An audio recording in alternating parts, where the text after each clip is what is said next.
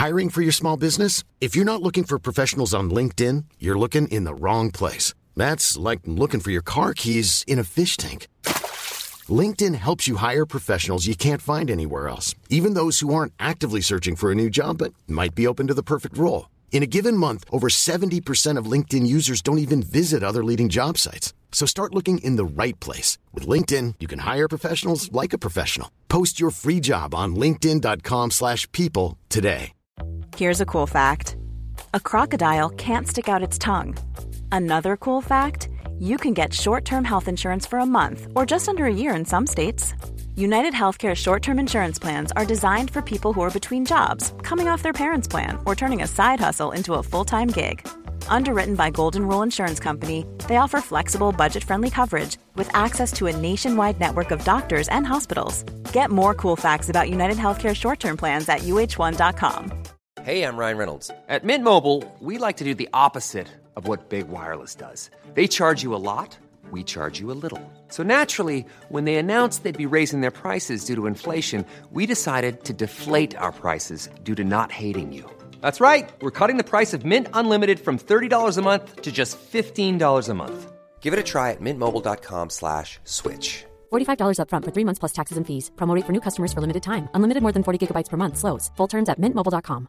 Quality sleep is essential. That's why the Sleep Number smart bed is designed for your ever-evolving sleep needs. Need a bed that's firmer or softer on either side? Helps you sleep at a comfortable temperature? Sleep Number smart beds let you individualize your comfort so you sleep better together. JD Power ranks Sleep Number number 1 in customer satisfaction with mattresses purchased in-store. And now, save 50% on the Sleep Number limited edition smart bed for a limited time. For JD Power 2023 award information, visit jdpower.com/awards. Only at a Sleep Number store or sleepnumber.com. I don't need a lot of brains in this business. I mean, I've always said if you got an IQ of 160, give away 30 points to somebody else because you don't need it in investments. What you do need is emotional stability. Wow. Very first tech IPO, and it's a big one. Stock market hit an all-time record high today a crash is coming. Now, whether it's six months from now, 12 months, 36 months, no one knows. There's a bear market about every five years. We've gone eight years without one. People have to realize this is the biggest IPO ever. Hej och välkommen till ett nytt avsnitt av Market Makers. Den här veckan Fabian har vi ett förinspelat avsnitt. Ja, det här kommer ju släppas om jag har rätt den 10 januari, så god fortsättning på er. Om man ja. kan säga så fortfarande. exakt, exakt. Gott nytt år i eh, efterskott och så vidare. God fortsättning. Eh, som sagt, vi tar lite juluppehåll och eh, den här veckan då kommer vi köra en intervju med Gustav som driver då Gustavs aktieblogg. Det är ju ett ganska självförklarande namn. ja, men det som inte är självförklarande är att Gustav han har ju rätt exotisk syn på aktier och gillar att investera i så kallade exotiska bolag. Precis. Eh, sen är det inte många, han, han trycker mycket på det ska vara osexiga bolag och så vidare. Han vill ha marknadsledare, men det är ofta kanske lite mer exotiska marknader. Och jag tycker det var ett roligt avsnitt. Gustavs eh, aktieblogg, det är väldigt, eh, både där, bloggen är populär och hans på han på Twitter är också väldigt populär. Vilken rörig mening. det är väldigt intressant att höra de här bolagen. Det är lite en annan input. Bland annat kommer för mig att det var något indonesiskt tejpbolag eller vad som vi pratade om i avsnittet. Absolut, det var som sagt ett tag sedan vi spelade in det här, men det är fortfarande väldigt relevant. Och, eh, ja, vi kanske ska nämna det. Intervjun spelas in den 18 november, så den är supergammal. Men det gör ju inte intervjun mindre gammal för det, eller mindre intressant för det. äh, skitsamma, nu kör vi det. Njut av avsnittet. Och som förra gången, så inga nyheter idag. Nej, utan nu kör vi rakt in på intervjun. Välkommen till podden Gustav. Säger vi välkommen till Market Makers, Gustav. Tack så mycket. Först och främst, vem är du? Ja, jag skulle säga att jag är en global småbolagsinvesterare och en riktig aktienörd. Okej, småbolag. Hur ser din strategi ut? Ja, min strategi går ganska mycket ut på att hitta okända marknadsledare. Eh, att kunna hitta de här bolagen som dominerar små men växande nischer. Och det här kan vara nischer som man kanske aldrig hört talas om. Eh, men som ändå är liksom något nödvändigt, något väsentligt. Och då vill jag också att bolagen ska ha någon typ av moat, alltså stark konkurrensfördel och drivas framåt av eh, en eller flera megatrender. Så att du i bästa fall kan få en stark och stabil tillväxt. Hur har du kommit in på det här? Alltså att du eh, vill ha liksom exotiska bolag helt enkelt. Och inte bara sitter och handlar på Stockholmsbörsen. Jag vill liksom ha de bästa casen oavsett var de finns. Och tittar man på Sverige eller Stockholmsbörsen, det kan ju bli att man kanske sitter med 7, 8, 900 aktier eller vad det är. Och det är i och för sig mycket, men om man istället letar bland 25-30 000 eh, realistiskt så kanske man kan hitta ännu bättre case. Eh, någon typ av vassare spets i bästa fall. Eh, eller åtminstone bolag som jag, som jag tycker passar min strategi så bra som möjligt.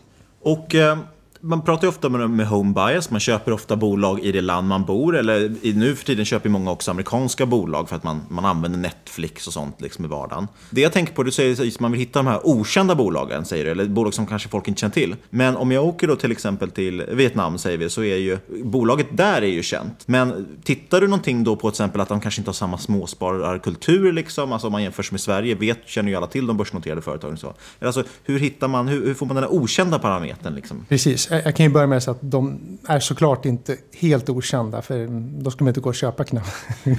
de är inte noterade. Men att de i alla fall inte är kända bland det, bland det breda investerarkollektivet och kanske inte så kända utanför sitt eget land. Ja, men skiljer sig det, just det här som med småspararkulturen, liksom, skiljer den sig från länder? Är det någonting du tar hänsyn till när du tittar på olika länder? Ja, man, man kan säga att eh, givetvis de här bolagen som jag tittar på, de är inte okända, de handlas på en marknad. Så, så de, man kan inte hitta något helt okänt, det går inte. Men man kan säga att småbolag är ganska hett i Sverige. Eh, de är välbevakade ofta. Eh, och du kan också lägga på ett filter eller ett perspektiv som de lokala investerare kanske inte alltid har. Eh, så, så det kan vara en idé. Vad var det svåraste när man, vi säger att du ska investera i ett bolag i Vietnam eller Thailand eller vad som helst. Eh, liksom, vad är det svåraste att tänka på som svensk investerare när man ska investera i ett liksom, annat, väldigt, liksom, både ett ut, liksom, utomlands men också kanske som har en annan kultur? Ja, det svåraste med Vietnam är att det inte går att handla där utan mm. att skaffa ett lokalt konto. Men eh, om vi tar mm, till exempel eh, Thailand. Eh, mm. Det kan ju vara det här med, är det annan kultur? Är det andra seder? Alltså det finns ju, det är ju en tröskel såklart att investera i ett annat land. Och det jag försöker göra då det är att välja enkla bolag. Eh, men fördelen med att man, man går till ett annat land är att man lättare kan fånga upp de här megatrenderna. För det kan vara svårt att hitta ett svenskt bolag som, som fångar upp det som händer i Asien eller Afrika på ett bra sätt. När du säger megatrender, vad, vad menar man då för någonting? Ja, det, det, första jag kommer att tänka på det, det är det här med demografi. Eh, man, man, kan säga att i västvärlden så, så, så blir folk äldre och äldre. Det blir sig överallt, men väldigt mycket i västvärlden. Så man kan säga att mina case går mycket in när det gäller demografi åt äldre i väst och en ökad medelklass i öst. Och tittar man liksom på hur medelklassen ökar sin konsumtion så kan man se att eh, ökningen är 8% per år i Asien, 4% per år i Afrika och 1% per år i Europa. Och om man då hittar bolag som ska fånga medelklassen, det kanske inte slår lika hårt om man hittar något i Europa. Utan det är mer tillväxt i Asien, Asien och i Afrika. Sen finns det givetvis andra megatrender som e-handel, automatisering, digitalisering, Internet of Things. Och innan vi ska prata lite om de innehav du faktiskt har och case du tittar på. Eh, nämnde det här med till exempel Vietnam, där kan man inte skapa konto. Hur, hur, jobbar du med det? Har du massa olika konton överallt? Eh, ska man ha ISK, kapitalförsäkring? Det är, en, det är en stor fråga såklart, men lite vägledning. Hur tänker du kring att välja vart du ska behålla, eller hålla dina aktier? Ja, vilken mäklare använder du?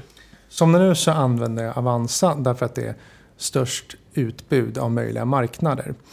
Och där det går så försöker jag lägga dem, eh, eller jag lägger de svenska i ISK och de utländska lägger jag i kapitalförsäkring. Sen går det inte att lägga alla marknader i kapitalförsäkring och då får det bli vanlig eh, klassisk depå. Och där kanske man ska tillägga att för många marknader får man ju ringa in. Då har de ju faktiskt ett mycket större utbud än vad man hittar på hemsidan, eller hur? Precis, det, det kan kosta sådana här samtal. Det, ja, det är lite dyrt, men, men möjligheten finns i alla fall. Ja, men ska vi kanske hoppa in på något case? Vad ja. tycker ni om det? Vad, vad, har du för innehav i portföljen? Hur många innehav har du ungefär? Och eh, ja, kan vi titta på några, några av de större? Eh, jag brukar ha mellan 10 och 15 bolag. Just nu har jag 15 bolag. Eh, två är svenska och eh, följaktligen så är väl 13 utländska då. Och om vi tittar på några stora så det som är störst just nu det är ett som heter A2, A2 Milk.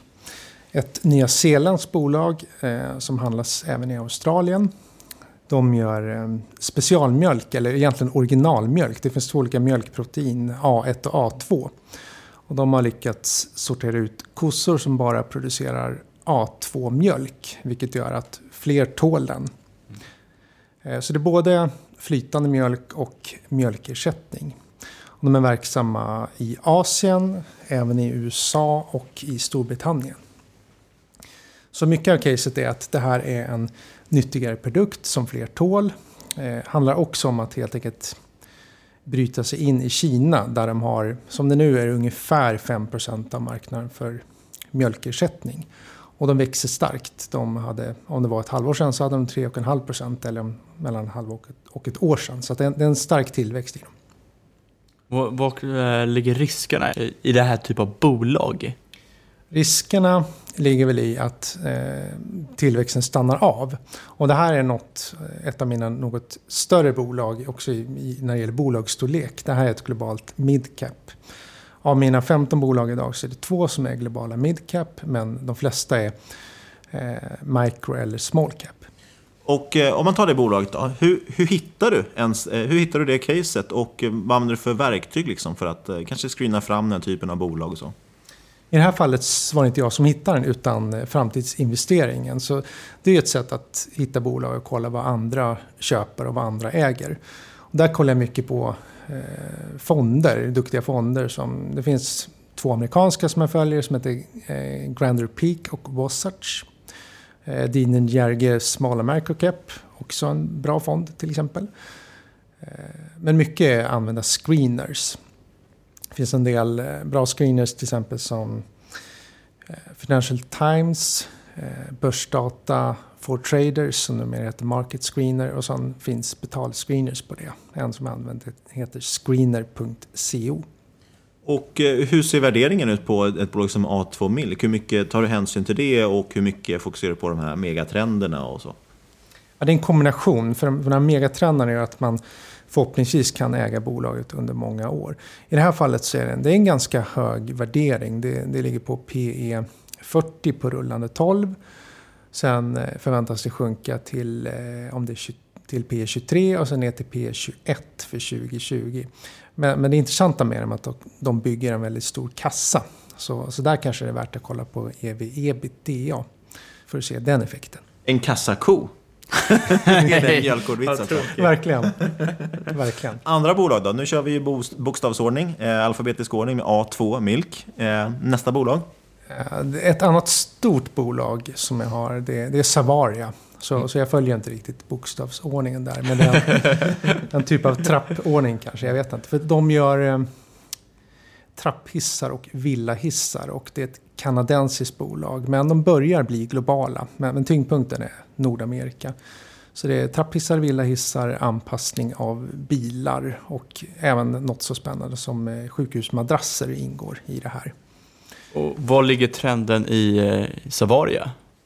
Ja, det finns en stark trend som är, eh, det här är typiskt demografi, mm. att 10 000 personer fyller 65 år varje dag i USA. Vilket förhoppningsvis kan vara en del framtida kunder till Savaria. Eh, för det de gör är att de, de löser mobilitet i olika former. Mm. Att folk kan förflytta sig och röra sig. Så det är, det är ett samhällsnyttigt bolag också och det gillar jag. Och jag har ju smakat de här Tao Kai Noi som du också har investerat i. Eh, vill du berätta lite om vad det är för typ av bolag? Jag kan börja med att säga att kursen inte har smakat så gott senaste tiden. Utan den har tyvärr rasat. Eh, men jag hoppas att, att det inte är något fishy på något sätt. Är, jag tror inte det i alla fall. Men eh, ja, vad är det för typ av bolag? De, eh, de dominerar den eh, thailändska marknaden för nyttiga snacks. De har 70% av den kanske mindre berömda sjögrässnacksmarknaden. Och en stark expansion i Asien sker. Och det man kan se där, det är, det är väl att det är en Dels kanske man kan fånga in en asiatisk tillväxt i dem. Eh, men också någon typ av hälsotrend. Att istället för att äta mer chips kanske man äter mer av nyttiga saker, förhoppningsvis. Hur kom du in på sjögräs-snacks? Det känns väldigt, väldigt specifikt. Ja, jag hade innan hade ett fisksnacksbolag. Så jag var liksom inne och nosade på den här marknaden. Men jag tyckte att det växte lite för dåligt. Mm. Så då kikade jag, vad finns det för alternativ? Och mycket är screening, så det är ett som jag hittade via screening till exempel.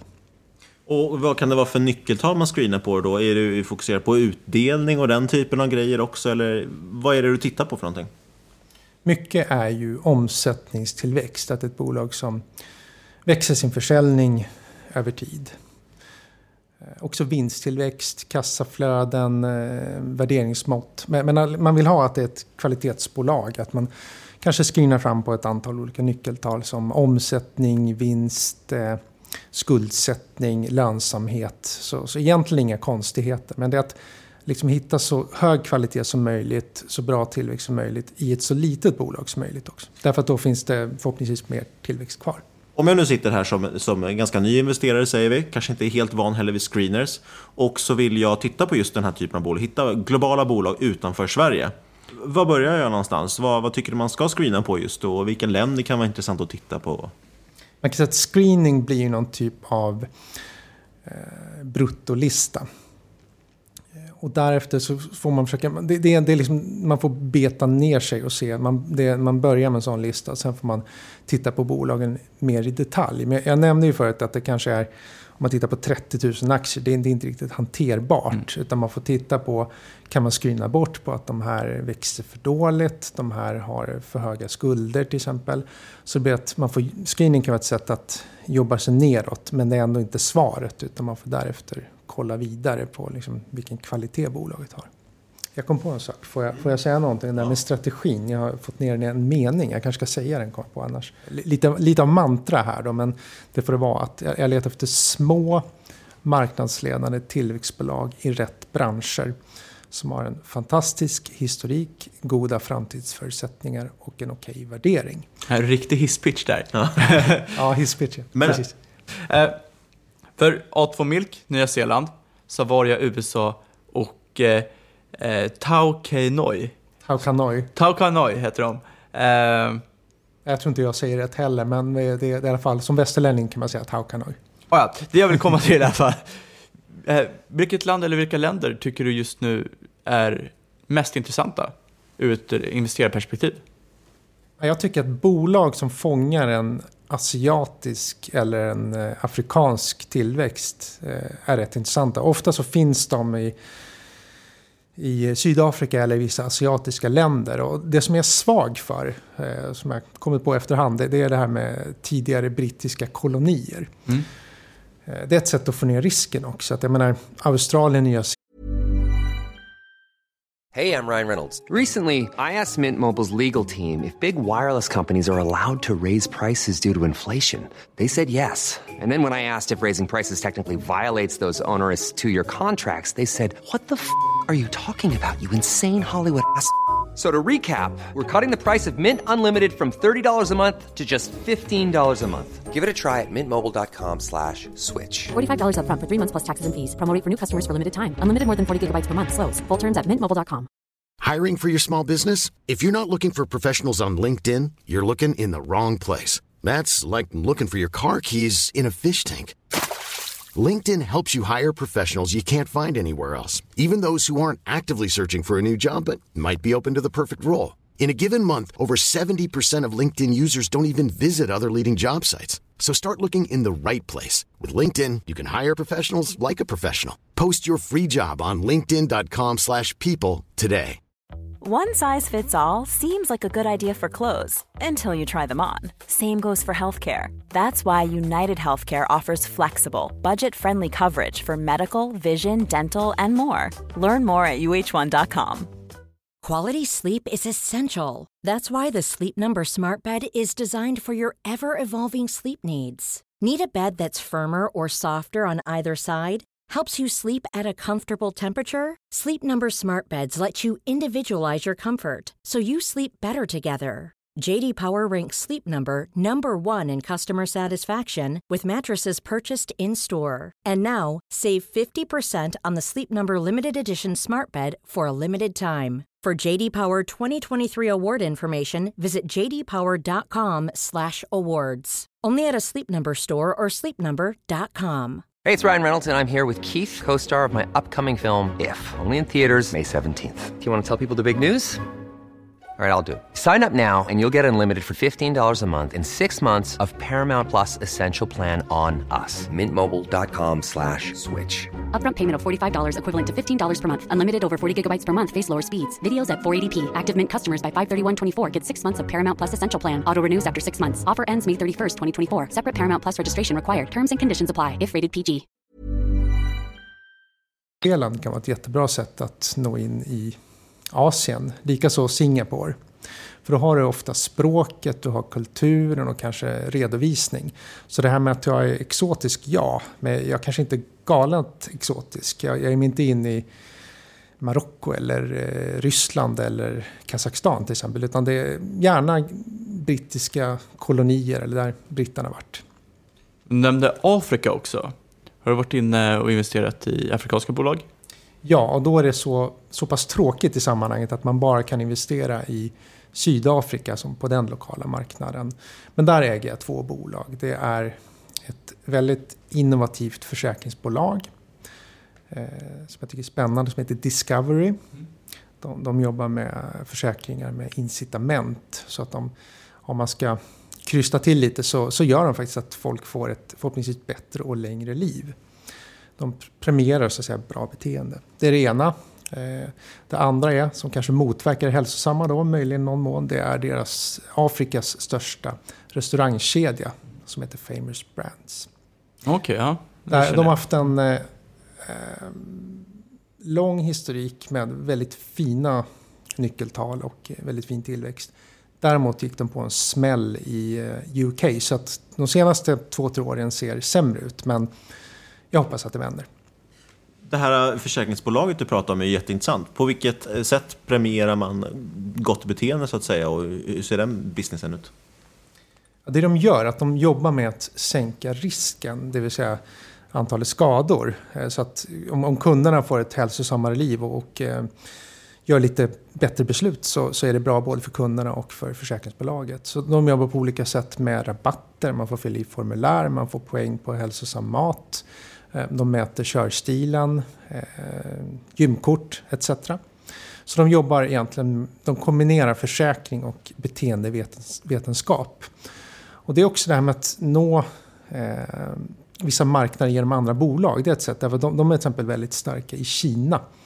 I premiumsegmentet där för sjukvårdsförsäkringar. Där är de riktigt starka i samarbete med kinesiska bolag. Så, så genom det här visserligen sydafrikanska bolag så kan du få liksom en global tillväxt. Hur ser du på risken du tar i Sydafrika jämfört med kanske motsvarande bolag i eh, Asien? Sydafrika är ändå rätt västerländskt. Eh, det, det, är nästan som en del av Europa kan man säga. Så, så länge man undviker vissa riskfyllda branscher, då får jag gå till mig själv. Om man undviker vapen, infrastruktur och telekom så har man fått ner vissa risker. Jag har ägt ett telekombolag i Sydafrika. Okay. Med verksamhet i Nigeria ska sägas också. Ja. Så det var, staplade risken blev väl hög. Ja, hur gick det, hur gick det med det? Ja, det, det kanske förstår hur det gick. För det gick inte särskilt bra. Eh, svaret är väl en av världshistoriens största böter från Nigeria. Och det, mm. det är aldrig trevligt för en aktiekurs. Kan jag lova. Vilket är, vi måste ändå fråga dig, vilket är liksom det märkligaste eller mest exotiska bolaget du har ägt i din portfölj? Om vi går bak i tiden så var det nog ett australiensiskt som jobbar med slakteriavfall.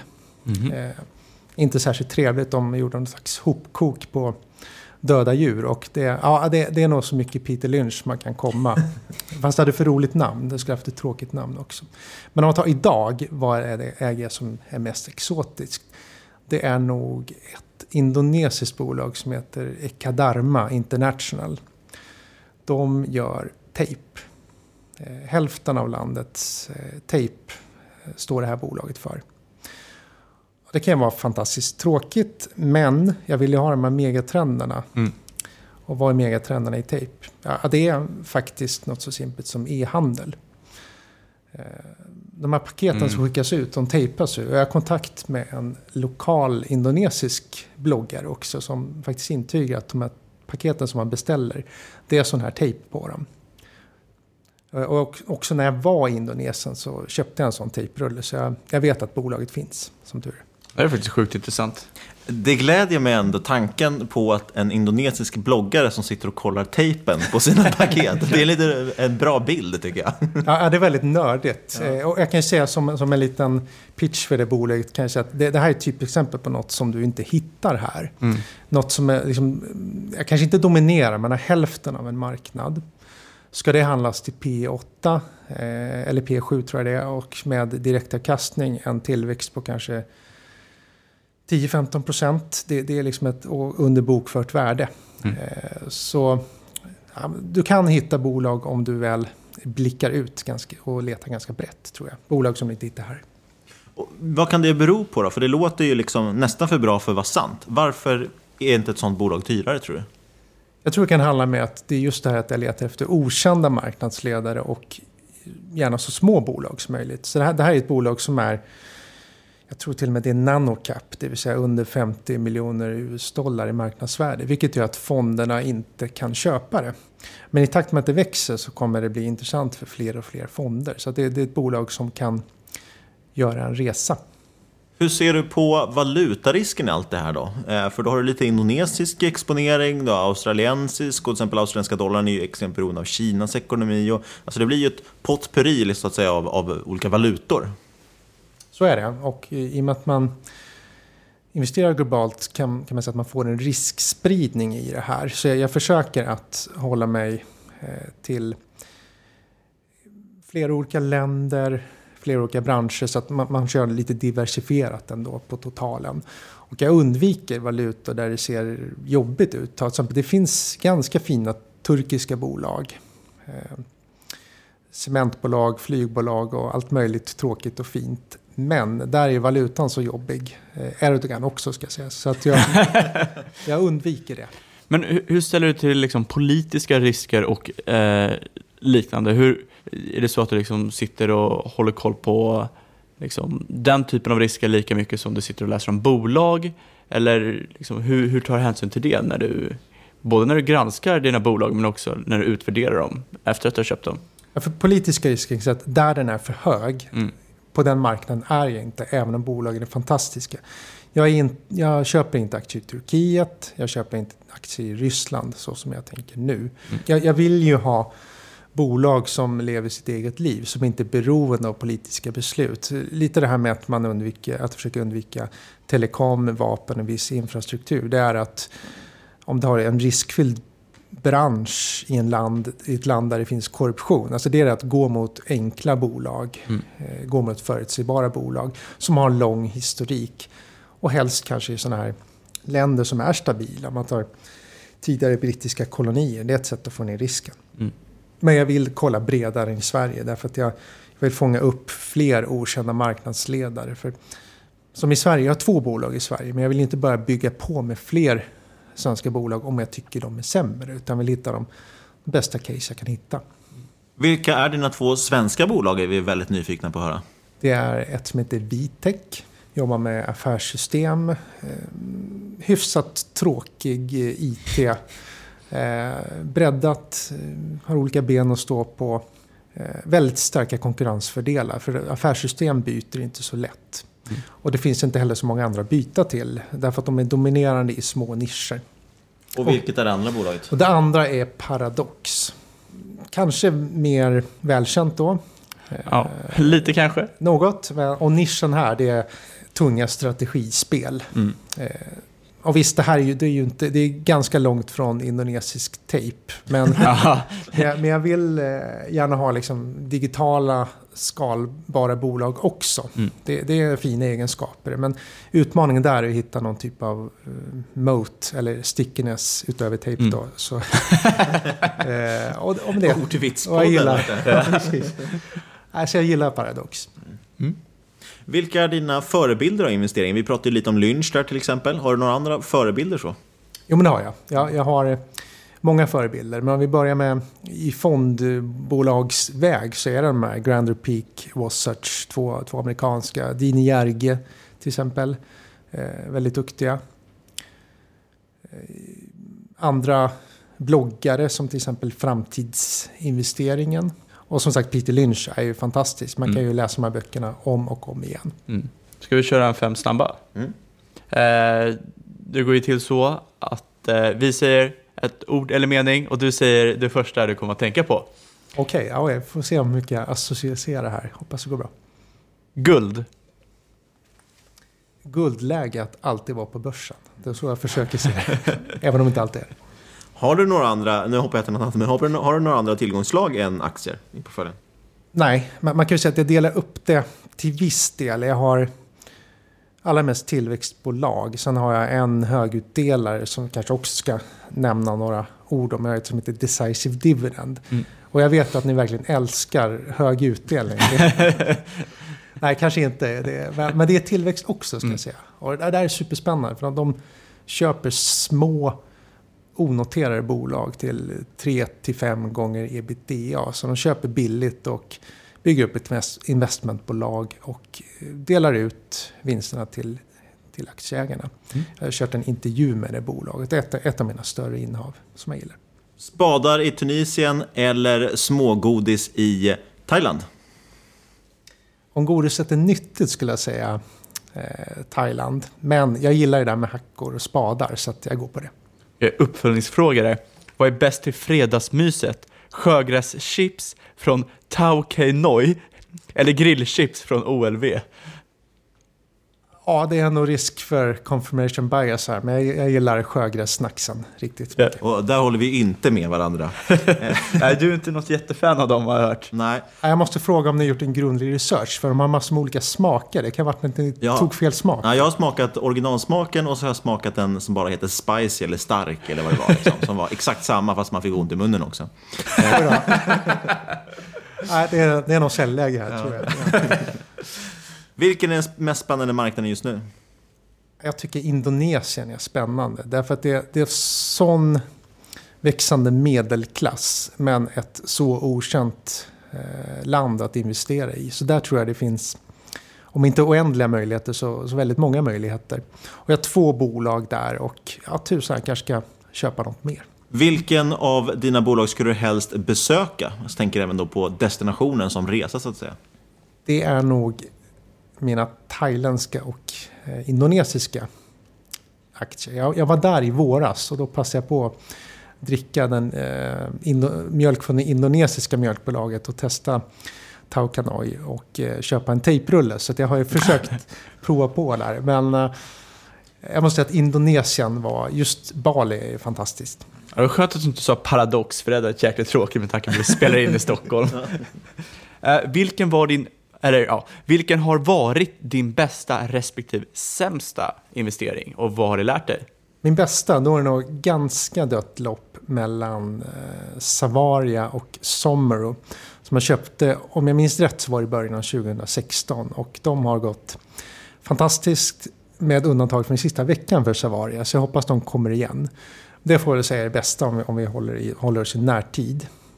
Sämsta är helt klart eh, sydafrikanska telekombolag med verksamhet i Nigeria. Ja. Utan tvekan.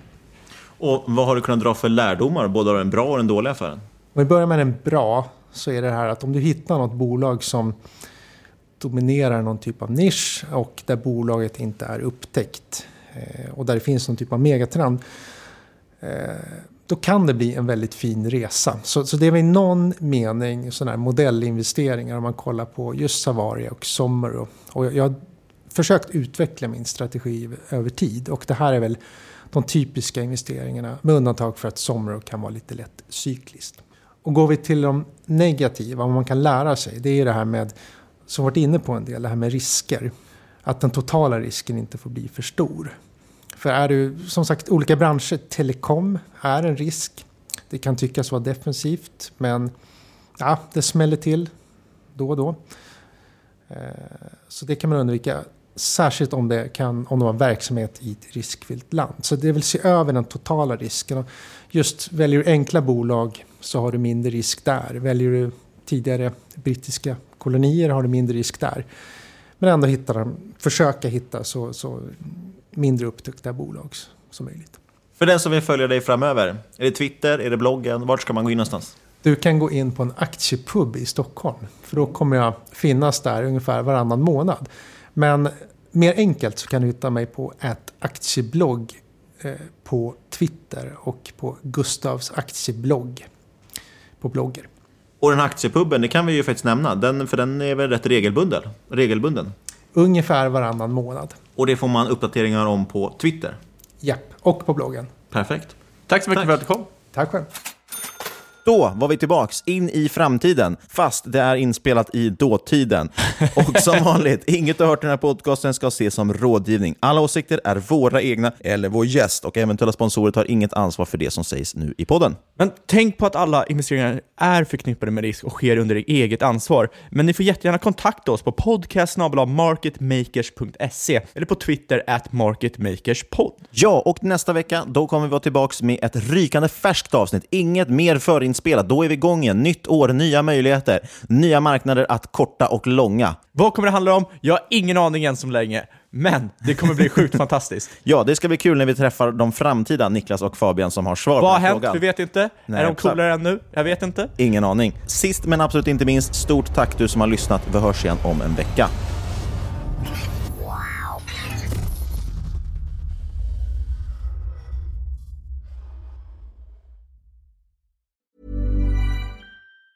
Hi, I'm Daniel, founder of Pretty Litter. Did you know cats tend to hide symptoms of sickness and pain? I learned this the hard way after losing my cat, Gingy. So I created Pretty Litter, a health monitoring litter that helps detect early signs of illness by changing colors, saving you money and potentially your cat's life. Pretty Litter is veterinarian developed, and it's the easiest way to keep tabs on your fur baby's health right at home. Go to prettylitter.com and use code ACAST for 20% off your first order and a free cat toy. Terms and conditions apply. See site for details. Planning for your next trip? Elevate your travel style with Quince. Quince has all the jet setting essentials you'll want for your next getaway, like European linen, premium luggage options, buttery soft Italian leather bags, and so much more. And is all priced at 50 to 80% less than similar brands. Plus, Quince only works with factories that use safe and ethical manufacturing practices.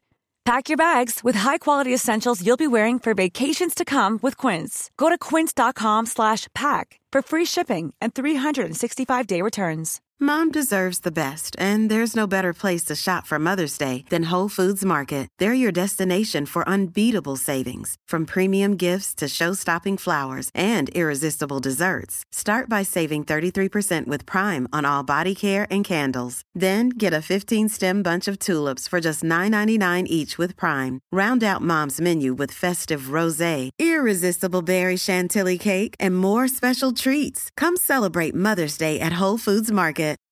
For the ones who work hard to ensure their crew can always go the extra mile, and the ones who get in early so everyone can go home on time, there's Granger, offering professional grade supplies backed by product experts so you can quickly and easily find what you need.